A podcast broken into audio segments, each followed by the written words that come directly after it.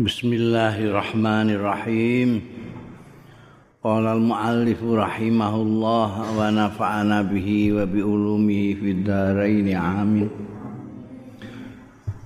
Wa an ibni Ishaq lan saking Ibnu Ishaq lan ngendika Ibnu Ishaq hadatsanil Abbas Nyeritani ingsun sapa Al Abbasu Al Abbas bin Abdullah bin Ma'bad an ba'di ahlihi saking sebagian keluargane Abdullah an Abdullah bin Abbasin saking sahabat Abdullah bin Abbas radhiyallahu anhuma.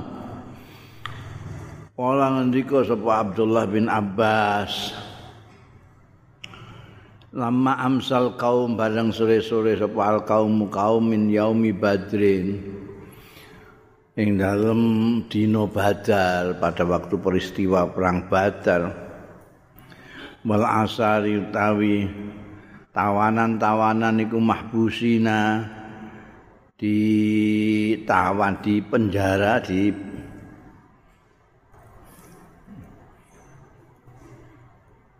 ditawan fil wisaki ing dalem bandanan. Tawane di bondo kabeh ada 70-an kan. Bata mongko dalu-dalu sapa Rasulullah sallallahu alaihi wasallam sahiran iku ora saged saring apa melek melek kanjeng rasul kok melek itu apa bahasa kromo inggil apa hmm? Wungu iku nek bar sare terus tange, tange. Istai kodo iku pan. Wungu iku tange. Iki ora malah ora iso turu kok. Nek wungu iku bar, bar sare terus wungu.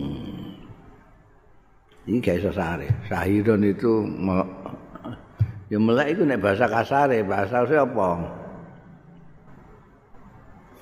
Gak ada yang iso krama inggil.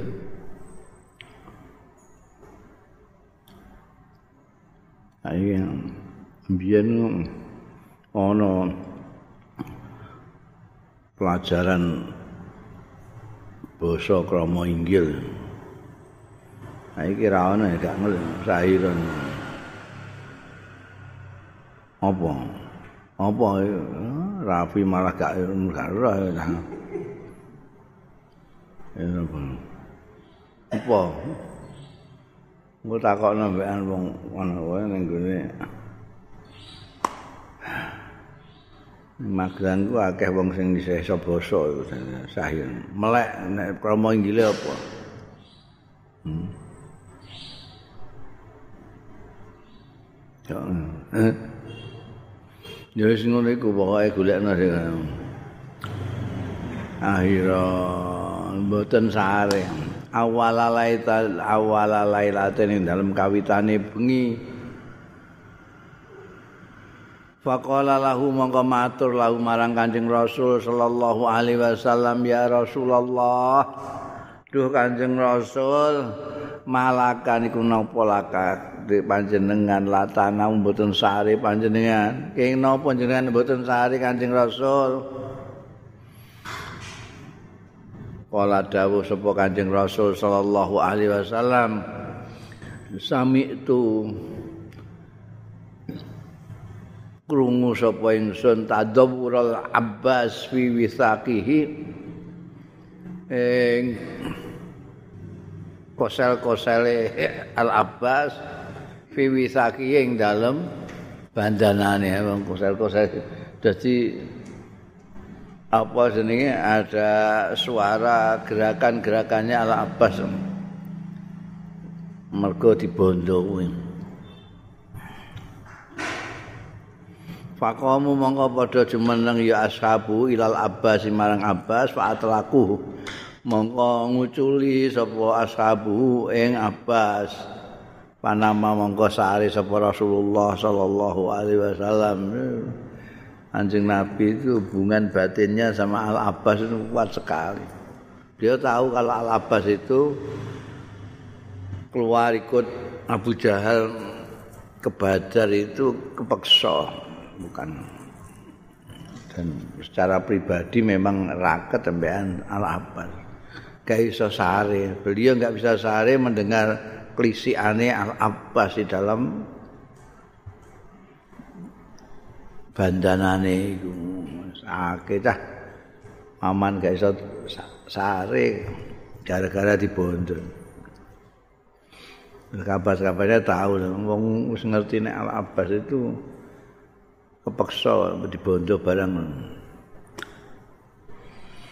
Bundel wa'an Muhammad ibn Ishaq dan saking Muhammad bin Ishaq. Kala ngendika sapa Muhammad bin Ishaq Haddatsani Husain bin Abdullah Nitani ing ingsun sapa Husain bin Abdullah bin Ubaidillah bin Abbas. An Ikrimah ta sange Ikrimah. Kala ndika sapa Ikrimah? Kala Abu Rafi'in. Ndika sapa Abu Rafi' wingi kae maula Rasulillah sallallahu alaihi wasallam. Maulane Kanjeng Rasul sallallahu alaihi wasallam padha karo wingi cuma riwayat dari Ikrimah. Kuntu hulaman ceritane Abu Rafi. Ana sapa ingsun iku hulaman, biyen iku aku wis cilik. Hulaman bocah lil Abbas bin Abdul Muthalib, kedue Al Abbas bin Abdul Muthalib. Wa kana Islam qad dakhalana. Hmm? Lan ana wal Islamu Islam iku kok dakholana. Teman-teman wis mlebu ing kita ahlal bait iki, ahli bait. Semuanya sudah tahu Islam lah. Wa aslam tu wa aslamat. Wa aslamat dan wis mlebu Islam sapa Ummul Fadl. Ibune Fadl. Mbok Fadl itu garwane Al Abbas. Wa aslam tu aku dhewe ya wis mlebu Islam. Nah Al Abbas ya, itu kan Al Bait Ummul Fadl sudah masuk Islam, saya hulamnya ini bocahe gawe ini kongkonan-kongkonane Al Abbas ya wis mlebu Islam. Nah Al Abbas dhewe Wa kana al Abbas lan ana sapa al Abbas iku yahabu kaumahu. Iku sungkan ya al Abbas kaumahu ing kaume al Abbas. Wa yakrahu lan ora seneng sapa al Abbas ayu khalifah yen to berbedani ya Abbas.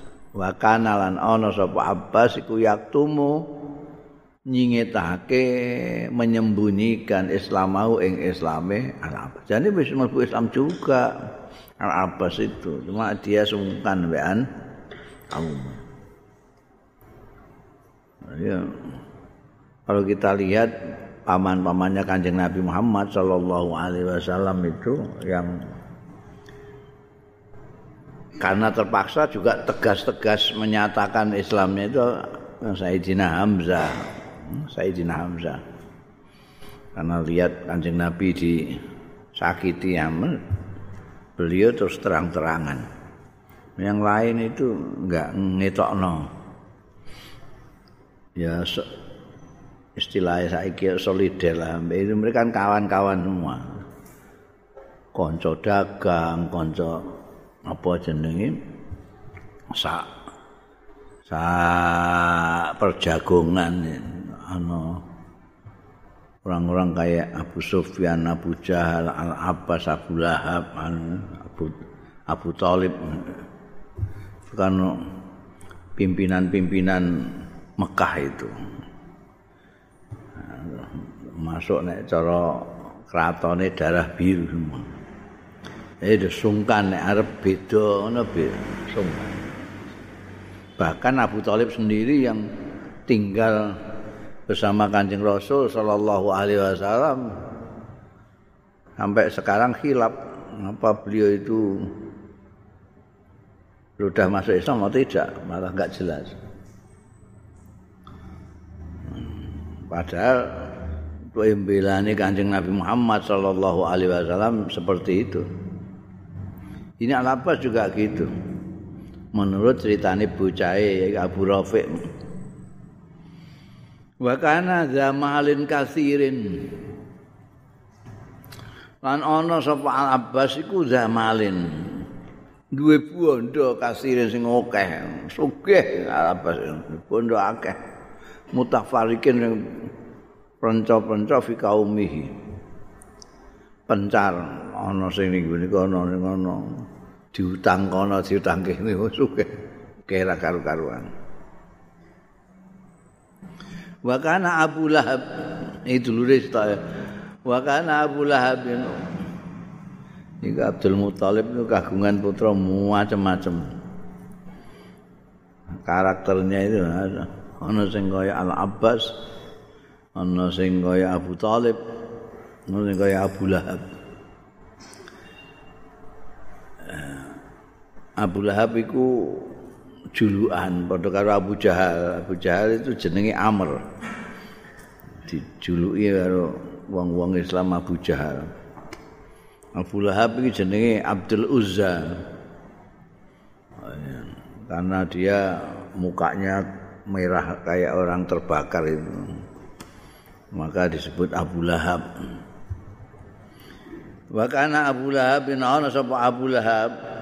Adullah. Ini guweting banget sapa jenenge Abu Rafi iki. Oh, Abu Lahab dikai tambahan Abdullah. Adullah. Ana sapa Abu Lahab Adullah Musa Gusti Allah. Kota an badrin teman-teman ngeri an badrin saking badar. Wah ini satu satu-satunya tokoh yang tidak bisa dibawa sama Abu Jahal. Karena alasan sakit punya penyakit. Kaya udunan. Jadi orang melok nih gede perang badal. Melok perang badal ya kena sudah. Jahal ya kena. Falamma ja'al khobar bareng teko apa berita an Musa bi ashabi Badrin eh musibah wong-wong Badar. Kabadahu kabatahu Allahu wa aghzahu. Monggo kabata terpukul ndadekno terpukul ing apa bahasa Jawa ini terpukul ya? Eh, aku maknani udah pas eh, tapi kekurangan bahasa Jawa. Soalnya aku orang Indonesia. Sih orang Jawa. Terpukul apa?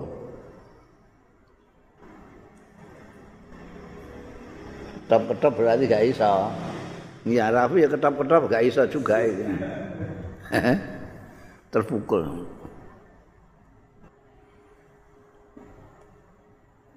ndadekake terpukul ing Abu Lahab sapa Allah Gusti Allah wa akhzahu lan merendahkan sapa Allahu ing Abu Lahab. Welek ngene eh? Ndik ini bayangno Abu Jahal pulang dengan kemenangan yang gilang gemilang karena dengar Pono itu mau telung atusan Abu Jahal bawa pasukan lengkap seribu orang Sementara yang dari Madinah itu tidak niat perang, betulnya mau begal toh. Karena itu ceritanya Abu Sufyan itu mimpin Ir. Ir itu rombongan untan-untan atau bahasa Indonesia-nya kafilah. Kafilah dagang itu Ir. Nek kafilah perang itu nafir. Rombongan untuk perang nafir, kalau untuk dagang Ir. Ini Abu Suf, uh, Abu Sufyan itu mimpin Ir untuk dagang ning Syam, membawa barang-barang produk Mekah, khususnya yang terkenal di Syam segala macam itu adalah kulit. bangsa kulit-kulitan tas ada banyu barang kok kulit kabeh itu produk dari Mekah digawa ning Sam. Nanti di Sam kulaan ana sutra ana segala macam yang di Mekah enggak ada. Oh itu wong-wong iku wah do titip iki titip ambekan Abu Sufyan titip sekian sekian sekian untuk ditukokno iki tukokno iki. Titip dagangan iki dikon ngedolno ya. Nah,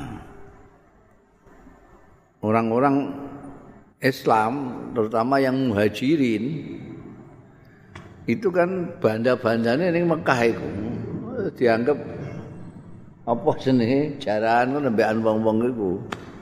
Oh, iki wong gak ono ae. di dijarai. Sementara mereka itu kan melarat di Medina itu karena berangkatnya itu dalam ada yang dengan ketakutan lari nggak bawa apa-apa. Jadi orang yang Medina sampai di Medina ya harus mulai dari nol lagi sehingga dagang dagang mulai dari nol. Ambut gawe dari nol. Ya krungu iki Abu Sufyan oh, dibegal wae iki bandane dhewe sing iki ya melok ning kono iku. Begal. Di mesti lewat bazar. Cegat ning bazar wis kliwat. Abu Sufyan sudah rombongan kafilah sudah lewat. Terus ya sudah nanti ditunggu pulangnya saja. Nah itu proses proses menunggu pulang ini Abu Sufyan sudah memberi informasi ke Mekah Abu Jahal mempersiapkan perang sementara ini tetap meh begal bayangane sing dilawan itu Abu Sufyan iki ir itu. Ternyata nafir. Rombongan perang. Pimpinan Abu Jahal ini. Berarti bayangane sing ora melok kaya Abu Lahab barang wah saiki kapokmu biyen semeroi ngono kari-kari berita datang yang mati sekian yang ditawan sekarang sekian tokoh-tokoh kayak Abu Jahal mati Umayyah bin Khalaf mati tokoh-tokoh kabeh. Robiah mati apa utbah ati wah terpukul apa bahasa Jawa? Wis wadung bayangno menang kali-kali terpukul. Sementara wa wajadna fi ampusina sementara orang-orang yang Islamnya di Mekah itu di, disembunyikan keluarga-keluarga yang sebetulnya Islam tapi ora konangan wong-wong kaya Abu Rafi wa wajadna lan nemu kita fi anfusina ing dalam awak-awak dhewe kita kuwatan wa izzan ing kekuatan lan kejayaan. Merasa eh kowe ngapok wae krungu Abu Jahal mati Utbah mati Anuman Wa kuntulan ana sapa ingsun jarene Abu Rafi. Ana iku rajulan wong lanang do Ivan sing miyayet apa ora ora wong kuat ngono gak do Ivan. Lemah saya itu orang yang lemah. Wa kuntulan ana sapa ingsun ana iku amalu. Nyambut gawe sapa ingsun gawe sapa ingsun alqidah ing wadah-wadah apa? Nggo ngombe iku. Anhitu fi khujratin fi khujrati zamzamin.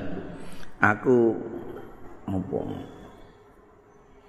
Nek bangsa apa? Natah sapa ingsun ha ing kaidah mau fi hujratin fi hujrati zamzama ana ing kamarane sumur zamzam. Jadi dulu itu sumur zamzam itu ada kamarannya untuk orang-orang yang apa jogo di situ. Ono kamarannya tahun anu itu masih sekarang sudah nggak kelihatan. Itu ditutup kabeh saja. Ditutup sampai sumur barang ditutup. Karena terus di sanyo itu diangkat pakai mesin itu. Mbien kita turun dari masjid itu ada legoan ngisor itu ada kamaran. Sumure ketok ya. Saiki wis gak ketok blas ditutup rapat diangkat dengan listrik mesin listrik. Sanyo cara saiki ini. Wah iki aku ning kono iku ya gawe apa? Gawe muk lah cara saiki ne muk itu kidah itu untuk minum itu. Apa? apa jenenge? Ngombe apa? Eh gelas. Gelas itu biasanya kok kaca ini gak, gak kok watu kok uh, lempung kodang. Gelas itu soko kaca kas bahasa Arab kas bahasa Arab sugih banget ngono dhewe-dhewe kene ya tempolong ya mbok arani gelas juga. kok gelas seng. Gelas kok seng.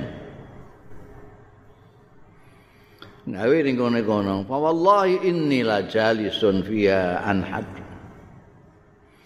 Demi Allah ini satu meneng sun la jalisun yakti laki lingge sapa ingsun fiha ing dalem hujratu zamzam kono an hadul kidah. Aku lagi nggawe natai kidae wa indi ana sanding ingsun an iku ana sanding ingsun umul fadl. Utawi umul fadl. Jali satan hale pinara ini kira wonge umul fadl kong bocahe umul fadl kongkonane kamu ditunggoni umul fadl nek nggawe iku Waqat sarana maja'ana minal khobar. Teman-teman menggembirakan ing kita. Kita itu Abu Rafi MBN Umul Fadl. Karena beliau-beliau ini muslimah, mbek muslimah. Gembira kita, teman-teman gembira no ing kita poma barang. Ja'ana sing nekani ya ing kita bayane minal khobari nyatane berita iku. berita musibah wong kufar Mekah kemenangan wong Islam itu menjadikan gembira kita lagi seneng-seneng lagi ngono krungu berita iku id akbalal fasiku. Pokoknya diwadani terus sampai anak Abu Rafi di mau Abu Lahab Adullah saiki al fasik Abu Lahab. Aku lagi ngono iku dadak teko si fasek Abu Lahab. Ya juru nyeret-nyeret ya Abu Lahab rijlaihi ing sikil loro ne Abu Lahab bisarin kelawan welek nipat saya gedinge mbek Abu Lahab ora terima diwadani pasek mlakune welek sikile diseret-seret nyeret-nyeret sikil bisare niku piye. Mergo iku lara anu apa jenenge? Udunen. Jadi welek mlakune nyeret-nyeret sikil. Hatta jalasa ala tanabil hujra. Sehingga linggih sapa Al-Fasik Abu Lahab mau ala tanabil hujrati ing atase ndak-ndakane apa uh, iku mau kamar zam-zam mau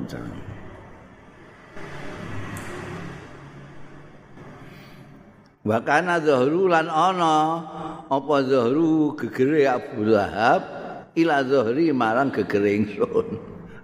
Ungkur-ungkuran. Papai nama huwa jalisun naikane huwa utahi Abu Lahab iku jalisun lungguh id qalan nas dumadaan ngucap sapa annas wong-wong ada Abu Sufyan bin Al Haris qad qadima iki Abu Sufyan bin Al Haris qad qadima teman-teman teko nah itu ya Gusti Allah itu skenario yang ajaib sing menyebabkan perang Badar itu Abu Sufyan. Karena irnya Abu Sufyan ini yang mau diserang oleh orang-orang Islam. Abu Sufyan wis kelewat. Dia ngabari Abu Jahal. Abu Jahal menyiapkan pasukan untuk datang ke Badar. ini dewe Abu Sufyan itu tidak lewat Badar. Pulangnya ke Mekah itu lewat pesisir, tidak lewat Badar. Jadi gak melok perang. Nek melok perang, iso-iso kena juga. Nek kena, gak situ melbu Islam. Abu Sufyan itu apa disiapkan untuk masuk Islam nanti itu. Tidak masuk Islam. Sak bujuni. Jadi orang melok. Itu istimewa. Kita nggak tahu. Tahunya ya sak wiswe kedadian. Kadang-kadang kita itu sok tahu. Jadi di sini kersane Gusti Allah. Wah, itu bajirut itu jahanam. Ternyata ya. Ikrimah itu anak Abu Jahal ning perang Badar ngenteki wong Islam. Banyak yang dibunuh oleh Ikrimah itu. Orang yang mat apa sing anak Ansor saka Madinah sing nyuwabet sikile Abu Jahal ngantekan protol jeblok kok anu. Sing matane Ikrimah. Tututi mbek Ikrimah. Ayo kan. Ternyata geri-geri ikrimah lebih Islam. Iya.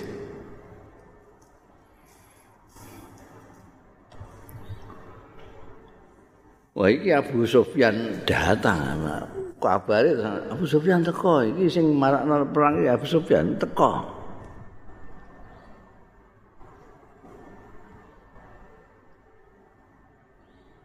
Bareng ana sing muni ngono iku Faqala Abu Lahab mengko celatu sapa Abu Lahab. Halumma ilayya ya ibn akhi.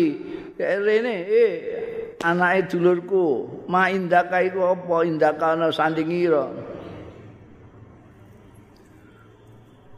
Qala fajalasa ilaihi qala ngendi ngendika sapa Abu Rafi' cerita.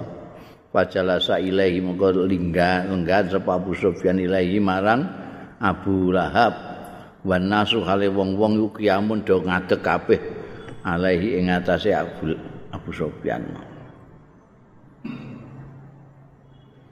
Faqala mongko ngucap sapa Abu Lahab, "Ya ibna akhi, ya anake dulurku, akhbirni ngabarana sira ing ingsun kaifa kana amrun nas, ali kepriye kana ana apa amrun nas perkarane wong-wong." Piye-piye kabaritane piye, kabare piye, piye? Hmm. Ora la syai, ora ana apa-apa. Jawab apa-apa. Ora ana apa-apa. Wallahi demi Allah in kana illa an laqaina famanahnahum attafana. Wallahi demi Allah in kana stune kelakuan ing kana ora ana illa an laqaina kejaba apa yen to ketemu kita ing wong-wong maksude anjing Nabi mbek sekabat-sekabat ini kono. Orang-orang Islam lah muslim. Famanahnahum aktafana. Mongko memberikan kita hum ing wong-wong Islam aktafana ing pundak-pundak kita, gulu-gulu kita maksudnya. Payak tulunana demateni yang muslimin ing kita. Wayak siruna nawan ya wong-wong Islam kaifa ale kepriye sak arep sapa momong Islam? Hmm? Wis ora apa krasa ngono ceritane apa tapi ya iku semok modho mok apa jenenge nyetorno awake ngono ae untuk dipateni wong Islam ya. Itu manahnahum aktafana itu artinya menyerahkan diri untuk dipateni. Di dipateni ditawan sak karepe mereka. Ini wong-wong kita itu semua setor awak ngono ae untuk dipateni atau ditawan. Ambekan wong-wong Islam itu. Sak karepe wong Islam itu wa aimullah demi Allah ma'adzali kasatane mengkono mau malum tunas. Aku ora maidu ana saing wong-wong. Aku gak maidu mbek kanca-kanca iku. Menyerahkan diri kepada sampai lu semono akeh kok. Ora iso apa-apa kaya wong menyerahkan diri bloko-bloko. Tapi aku ya ya ora maidu aku ora maidu soalnya lakai nari jalan ketemu kita di jalan ing wong-wong lanang bidot yang putih-putih. Ayolah khailin balkin ing atase jaran sing krawu. Baina sama'i wal arti antarane langit lan bumi. Lat mataliku syai'an. Ora sesuai ya kail mau sayan ing apa-apa wala yakumulaha lan ora iso jumeneng lah keduwe kail mau apa sayun suci-wici oh wis aku ya gak mau itu soalnya ning kono. Ana kejadian luar biasa. Ono kok wong lanang putih-putih. Wak juaran nanti warnanya gak kelabu. Ah, alane langit mek bumi. Jadi ora kok ning bumi ini. Mau numpak pasukan ini numpak jarang kan ning bumi iki ning antara bumi lah. Ngambang ngono. Jadi aku gak main itu. Nek kanca-kanca do gak iso berbuat apa-apa ya. Iku.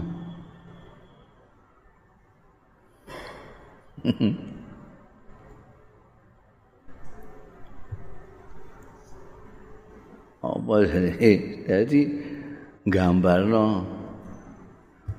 Kala Abu Rafi dadak Abu Rafi iki wis enak-enak ngungkuri Abu Lahab dadak nyeletuk itu kala Abu Rafi farafa farafa mongko ngangkat sapa sun tonabal hujrah biati kelawan tangan ingsun sumakul tu kari-kari ngucap sapa ingsun tilkal malaika Dik dik muli ngono. Padahal wong Mekah gak kenal malaikat. Kenale bangsa Lata Uzza bang brawa-brawa lho. Dik ini muni. Ngeceplosan iku. Kuwi sing rijalan bidon ala khailin balkin iku mau malaikat iku jare Abu Rafi.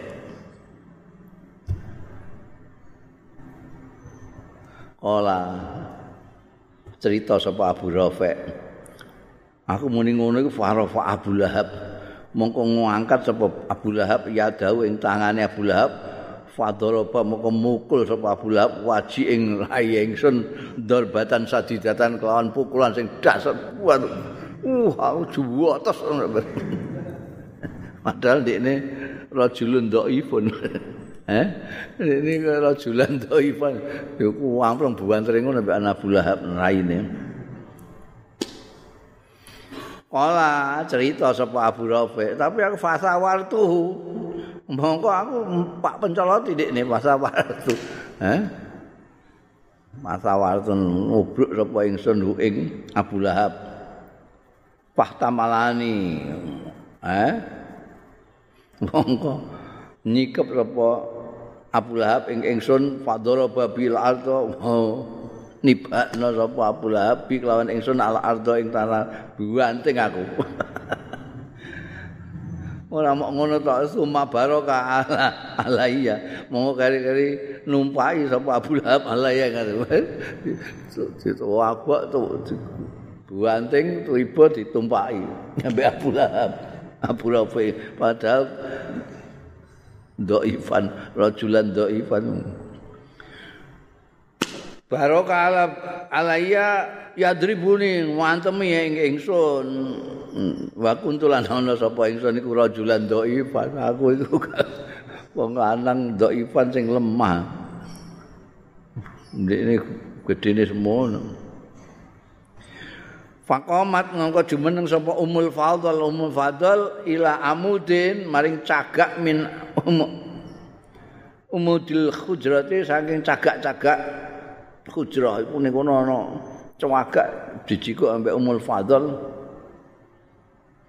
Fa akhadzat mongko njupuk ngalap sapa Umul Fadl hu ing amud fadarabat hu mukulke sapa Umul Fadl hu ing amu hu ing andara badara badhu mongko mukul sapa Ummul Fadl hu ing Abu Lahab durbatan kan pukulan tenan iki darane Ummul Fadl juga cakak Abu Lahab lagian nunggangi wong iki mau Abu Rafi Abu Rafi gak iso apa-apa orang lemah Ummul Fadl terus nyuwandak cewagak ning ngono diwantem no buanter banget ning Abu Lahab.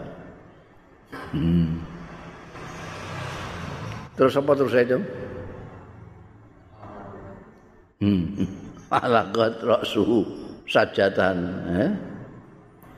Mongko menatoni ngeneki raksahu ing ndase Abu Lahab.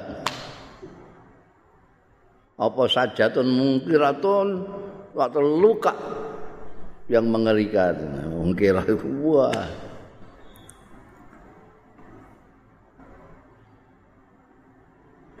Waqalat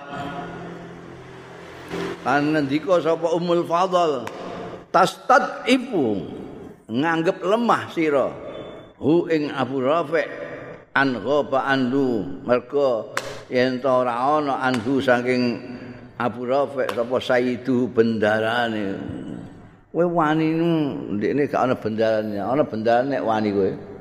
Maksude bendarane Al Abbas. Al Abbas kowe gak wani. Padahal dulure. Al Abbas. Abbas kan dulure. Dulure Abu Lahab ya, padha-padha anake Abdul Muthalib kan.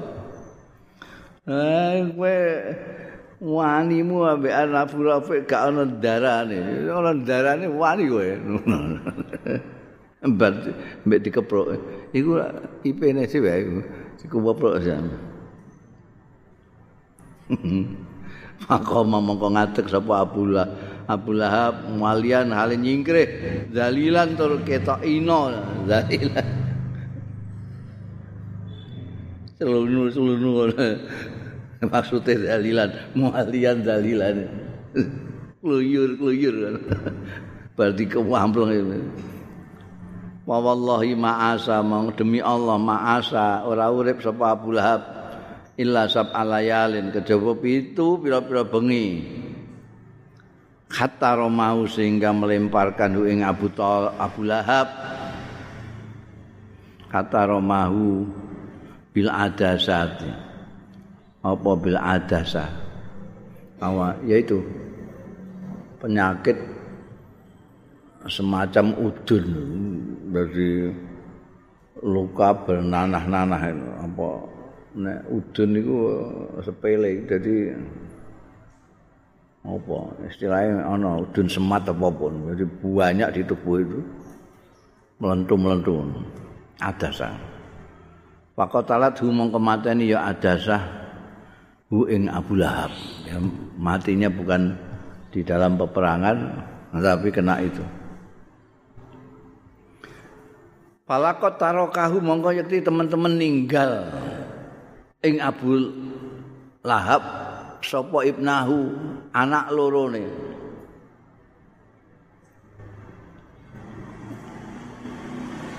Utbah Utaibah. Anak lorone Abu Lahab ditinggal perut ngono ae bapake mati ku. Lailatain ing dalem rong wengi au salasan utawa telung bengi dua atau tiga hari lah tiga malam lah itu ditinggal.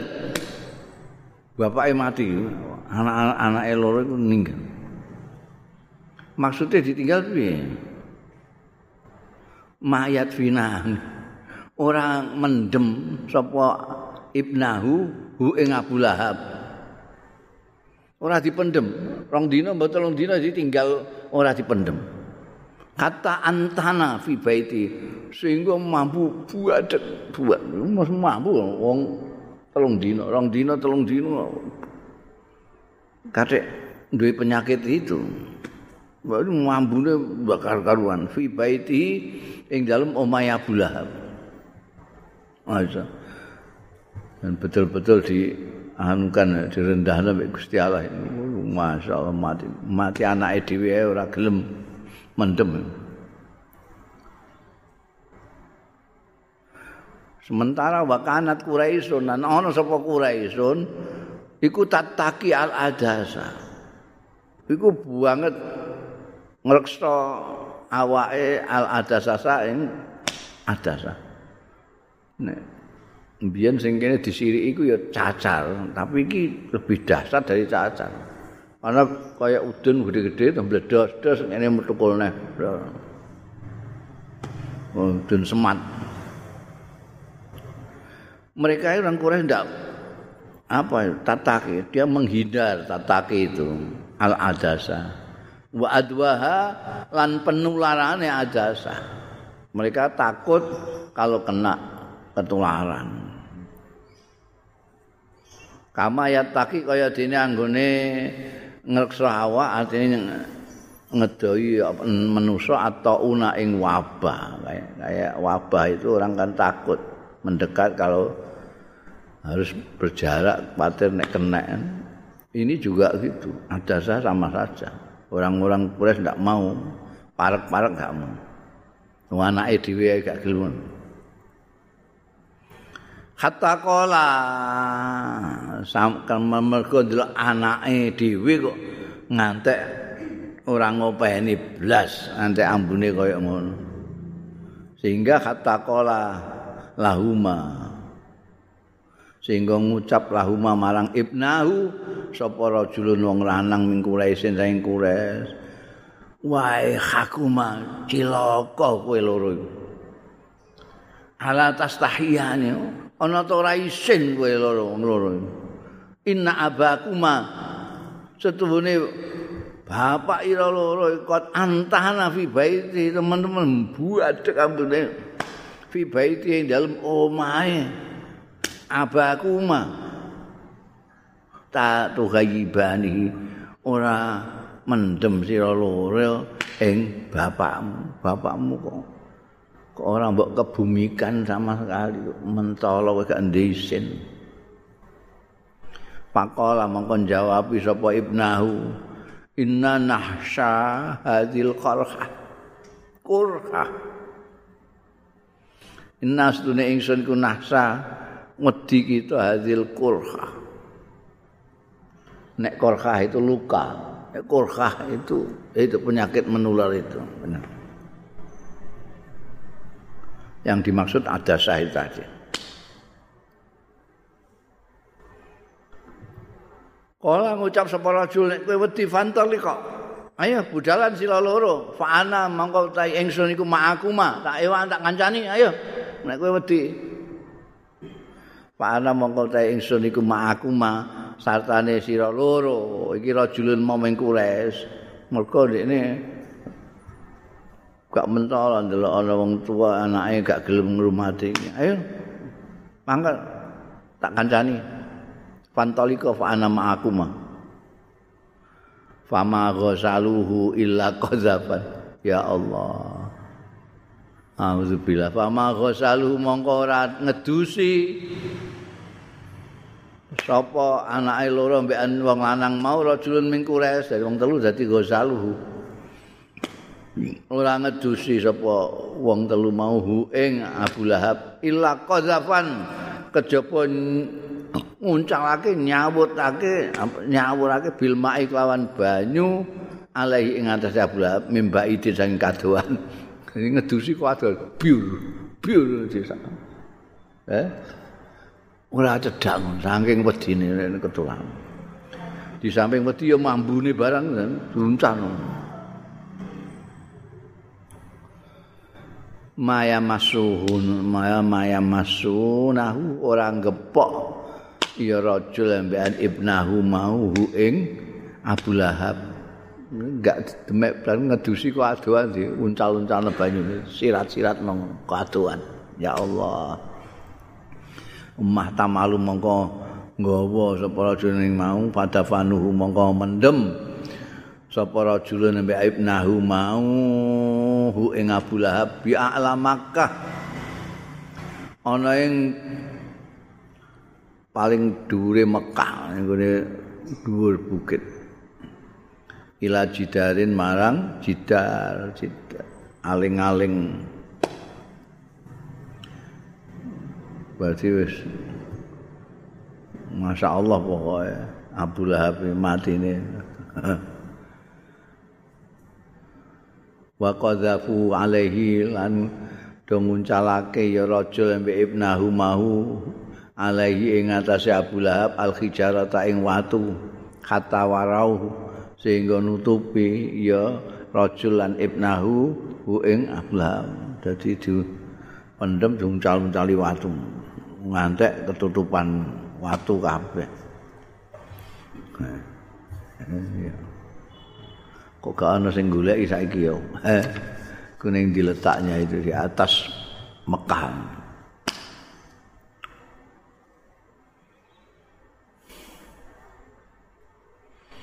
Wa an ibni Abbas dan saking sahabat Abdullah bin Abbas radhiyallahu anhuma anna Rasulullah satune Kanjeng Rasul sallallahu alaihi wasallam.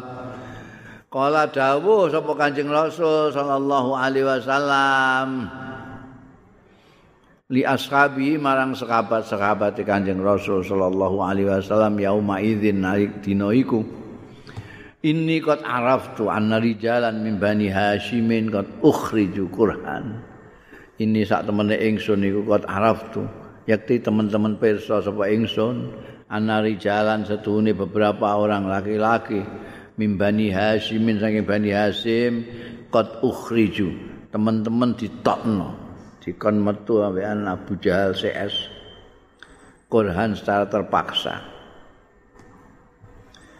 Paman laki mingkum akhadan mongko sapane wong laki akan ketemu mingkum saing sira kabeh akhadan ing seseorang minhum saking Bani Hasim falayak tulhu mongko aja mateni sapa akaduku sapa man. Aja mateni sapa man hu ing akadan iku mergo aku ngerti nek wong-wong Bani Hashim sing mangkat ning Badar ini itu terpaksa semua dipaksa metu. Jadi nek ketemu salah satu dari mereka jangan dibunuh Waman laki lan sapane wong ketemu Yaman Abal Bahtaria atau Bukhturi bin Hisham bin Al Haris bin Asad fala yaqtulhu. Mongko aja mateni Yaman hu ing Abul Bukhtari Waman laki Al Abbas sapane wong sing ketemu Yaman Al Abbas bin Abdul Muttalib. Ing Abbas bin Abdul Muttalib amma rasulillahi ya pamane kanjeng rasul sallallahu alaihi wasallam fala yaqtulhu mongko aja mateni ya manhu ing al abbas fa inna ma ukhrija mustaqrahan angin mestine ditokno dikon metu ditokno ya al abbas mustaqrahan hale dipeksa Faqala mongko celatu sapa Abu Hudzaifah bin Utbah bin Rabi'ah. Abu Hudzaifah iku anake Utbah bin Rabi'ah. Anak tulu abaana ana ta mateni kita abaana ing wong tua-tua kita, bapak-bapak kita wa abnaana lan anak-anak kita, wa ikhwanana lan kanca-kanca kita. wa asiratana lan keluarga kita wa natrukul abbas mer oh, kita kok eh kita merangi bapak kita merangi kelingan kowe jenenge Utbah bin Rabi'ah itu siapa? Utbah bin Rabi'ah itu yang pertama kali terbunuh di Badar itu. Sing apa mubarosa duel sebelum perang, duel sama Sayyidina Hamzah. Anaknya itu di barisan kaum muslimin karena jadi itu luar biasa perang Badar itu. Ana sing bapake karo anake ketemu. Oh ya sahabat Abu Bakar. Ana sing karo mantune. Mantune Kanjeng Nabi iku melok barane Abu Jahal. Al-As itu apa bojone Sayyidatina apa? Zainab Hindun. Itu Masya Allah. Jadi kini-kini Nah kanjeng Nabi pesen supaya Al Abbas tidak dibunuh itu kan. Karena kanjeng Nabi tahu bahwa mereka itu terpaksa. Nah ini Abu Hudzaifah anaknya Utbah bin Rabi'ah itu protes. Nah kita itu membunuh orang tua kita, membunuh anak kita, membunuh saudara kita, membunuh keluarga kita. Tapi tidak boleh membunuh Abbas itu gimana? Wallahi demi Allah, lain lakainau. Yakti lamun ketemu sapa ingsun ing Abbas la alhamannahu saif. Yakti eh tak pakani pedang Artinya ditusuk lah pokoknya sampai dipaten. La alhamannahu as-saifa. Kan memberikan tusukan ing Abbas as-saifa ing pedang.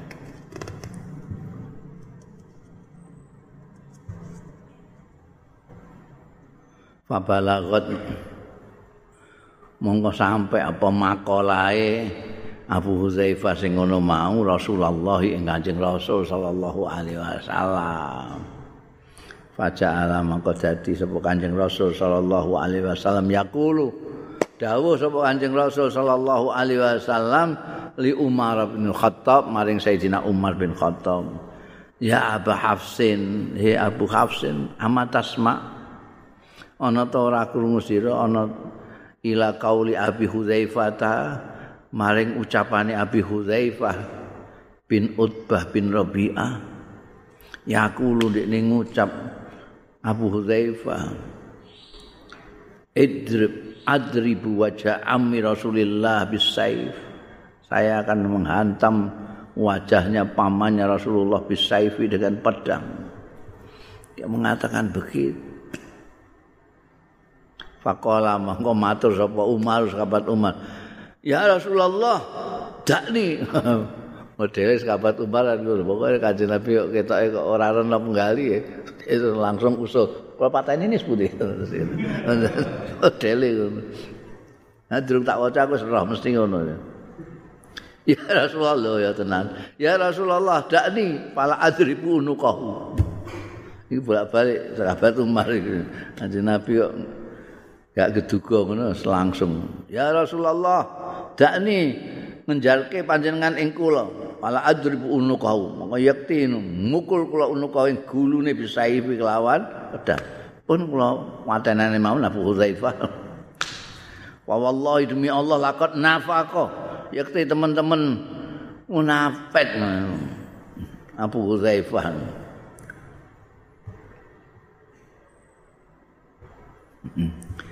Kala cerita sapa Umar sahabat Umar, wallahi demi Allah, inaus duni kelakuan iku la awwalu yaumin. Itu kawitane dina kanani sing memberikan kunyah en ingsun fi ing dalam awalu yaumin sapa Rasulullah Kanjeng Rasul sallallahu alaihi wasallam bi Abi Hafsin kelawan kunyah Abu Hafsin itulah pertama kali saya dipanggil dengan panggilan kehormatan Abu Hafsin oleh Rasulullah sallallahu alaihi wasallam.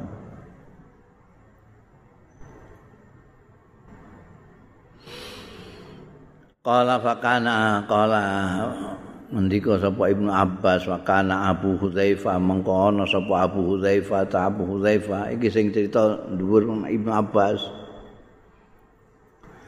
Sumber hadis iki Kala fakana Abu Hudzaifah mengko ana sapa Abu Hudzaifah iku yakulung ngucap sapa Abu Hudzaifah ma'ana bi aminin min tilkal kalima alati qultu yauma idzin.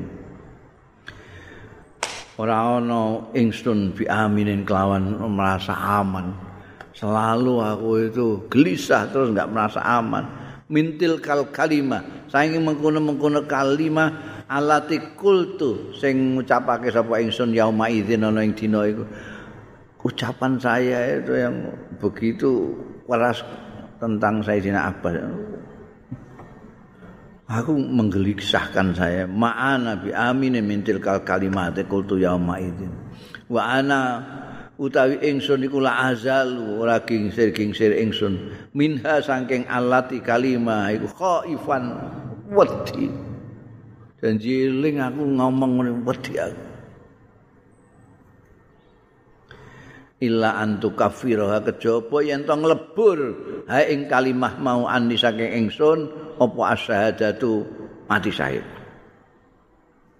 oh pokoke saking guwetune saking wedine pernah mengucapkan seperti itu dan kanjeng Nabi ora keduga. Dia itu wedi gelisah terus sampai mengatakan pokoknya nek sing iso nglebur kesalahanku ngomong ngono iku namung syahadah, mati syahid. Gak mati syahid wis ora klebur iku dosa ngono. Ngomong sampai Kanjeng Nabi duka ya. Ini ngomong ngono fakutila yaumal yamama. Monggo terbunuh sapa Abu Hudzaifah yaumal yamama ana dina yaumama ketika melawan apa mutanabi yang ngaku-ngaku nabi Musailamah al-Kadzab syahidan sebagai syahid.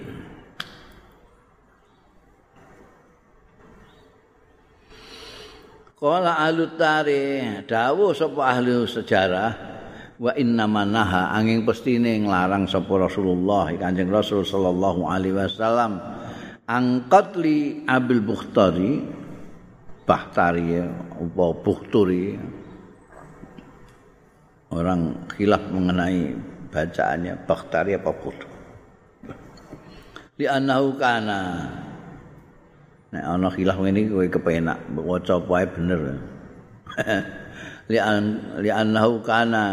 Li anahu krana satune Abul Bukhturi kana ana ya Abul Bukhturi ku akafan kaumi an Rasulillah.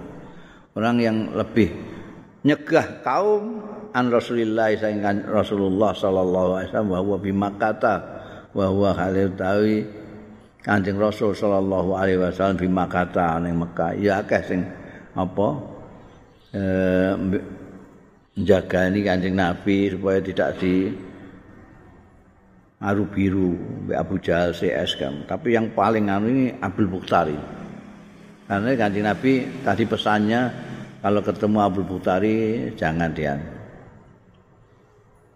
Kayak pamannya kayak Al Abbas. Karena layu zihi karena karena ana sapa Abdul Bukhtari ku layu zihi ora nyakiti sapa Abdul Bukhtari ing Kanjeng Rasul sallallahu alaihi wasallam.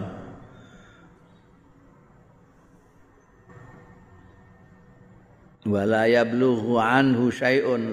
Sampai hu ing Kanjeng Rasul sallallahu alaihi wasallam anhu saking Abdul Bukhtari apa saeun suwi-wiji yakrahu sing ora demen sapa Kanjeng Rasul hu ing syek. Ndak pernah mendengar ucapan buruk sekalipun dari Abdul Bukhtari. Di antara orang-orang sing kufar Mekah semono wakihe iku menyakiti Kanjeng Nabi ora tahu ana wong menyakiti sering dipenggak ambek ndekne dan belum pernah mendengar kanjeng Nabi itu sampai ke telinga beliau Abdul Bukhtari omongan sing ora ngenakno. Wa kana lan ana sapa Abdul Bukhtari ku mimang qoma termasuk orang qoma sing jumeneng ya man fi naqtis sakhifati ing dalem badarake sakhifah. Sakhifah itu ketika Kanjeng Nabi dilarang macam-macam melewati Abu Thalib segala macam gak iso. dan selalu dibelani sama Abu Talib. Akhirnya terus nek cara saiki diembargo, diboikot. Diboikot sama orang-orang kufar Mekah. Bani Hashim itu di diembargo. Tidak boleh orang itu apa namanya dagang bean gak oleh. Dol tinuku gak oleh. Apa wah mu itu Masya Allah masa kote karuan itu. Abani Hasim pada waktu itu. Nah itu ditulis ini. Ditulis Sohifah itu isinya berapa poin tentang tidak boleh ini dengan Bani Hasim, tidak boleh ini, tidak boleh ini, boleh itu. Sohifah tempel nih gini. Ka'bah, orang ini. Gak ada sing wani apa berhubungan berinteraksi terus dagang sak piturute wis gak oleh. Masya Allah Nah setelah sekian tahun banyak yang saake kan? Yang saake orang-orang itu. Melihat penderitaannya Bani Hasim itu semua akhirnya minta itu di dunia itu sahifah itu itu sahifah itu tidak sesuai dengan apa adat istiadat orang Arab di Mekah. Tidak punya belas kasihan sampai turute. Di antara yang menuntut supaya sahifah ini dihapuskan ini Abdul Bukhari Bundel kala ahlut tarikh dawuh sapa ahli sejarah Matal Abbas kapundhut sapa Sayyidina Abbas bin Abdul Muthalib radhiyallahu an sanata arba'in wa salasina tahun 34 wa sallalan nyalati alaihi artine mimpin salat alaihi ing atase Al Abbas sapa Utsman bin Affan Sayyidina Utsman bin Affan. Karena pada waktu itu kepala negaranya Utsman bin Affan. Wa dufina lan disareake sapa Al Abbas bil Baqi' ana ing Baqi'ul Gharqad dekat Masjid Nabawi. Wa jazasa lan pinarak sapa Utsman sahabat Utsman bin Affan ala qabri ing atase di atas kuburnya Al Abbas hatta dufina sehingga selesai dikubumikan ditunggoni sampai dikebumikan rampung baru kondur Bunda zikru ukasha bin Mikhsan al-Asadi Allah alam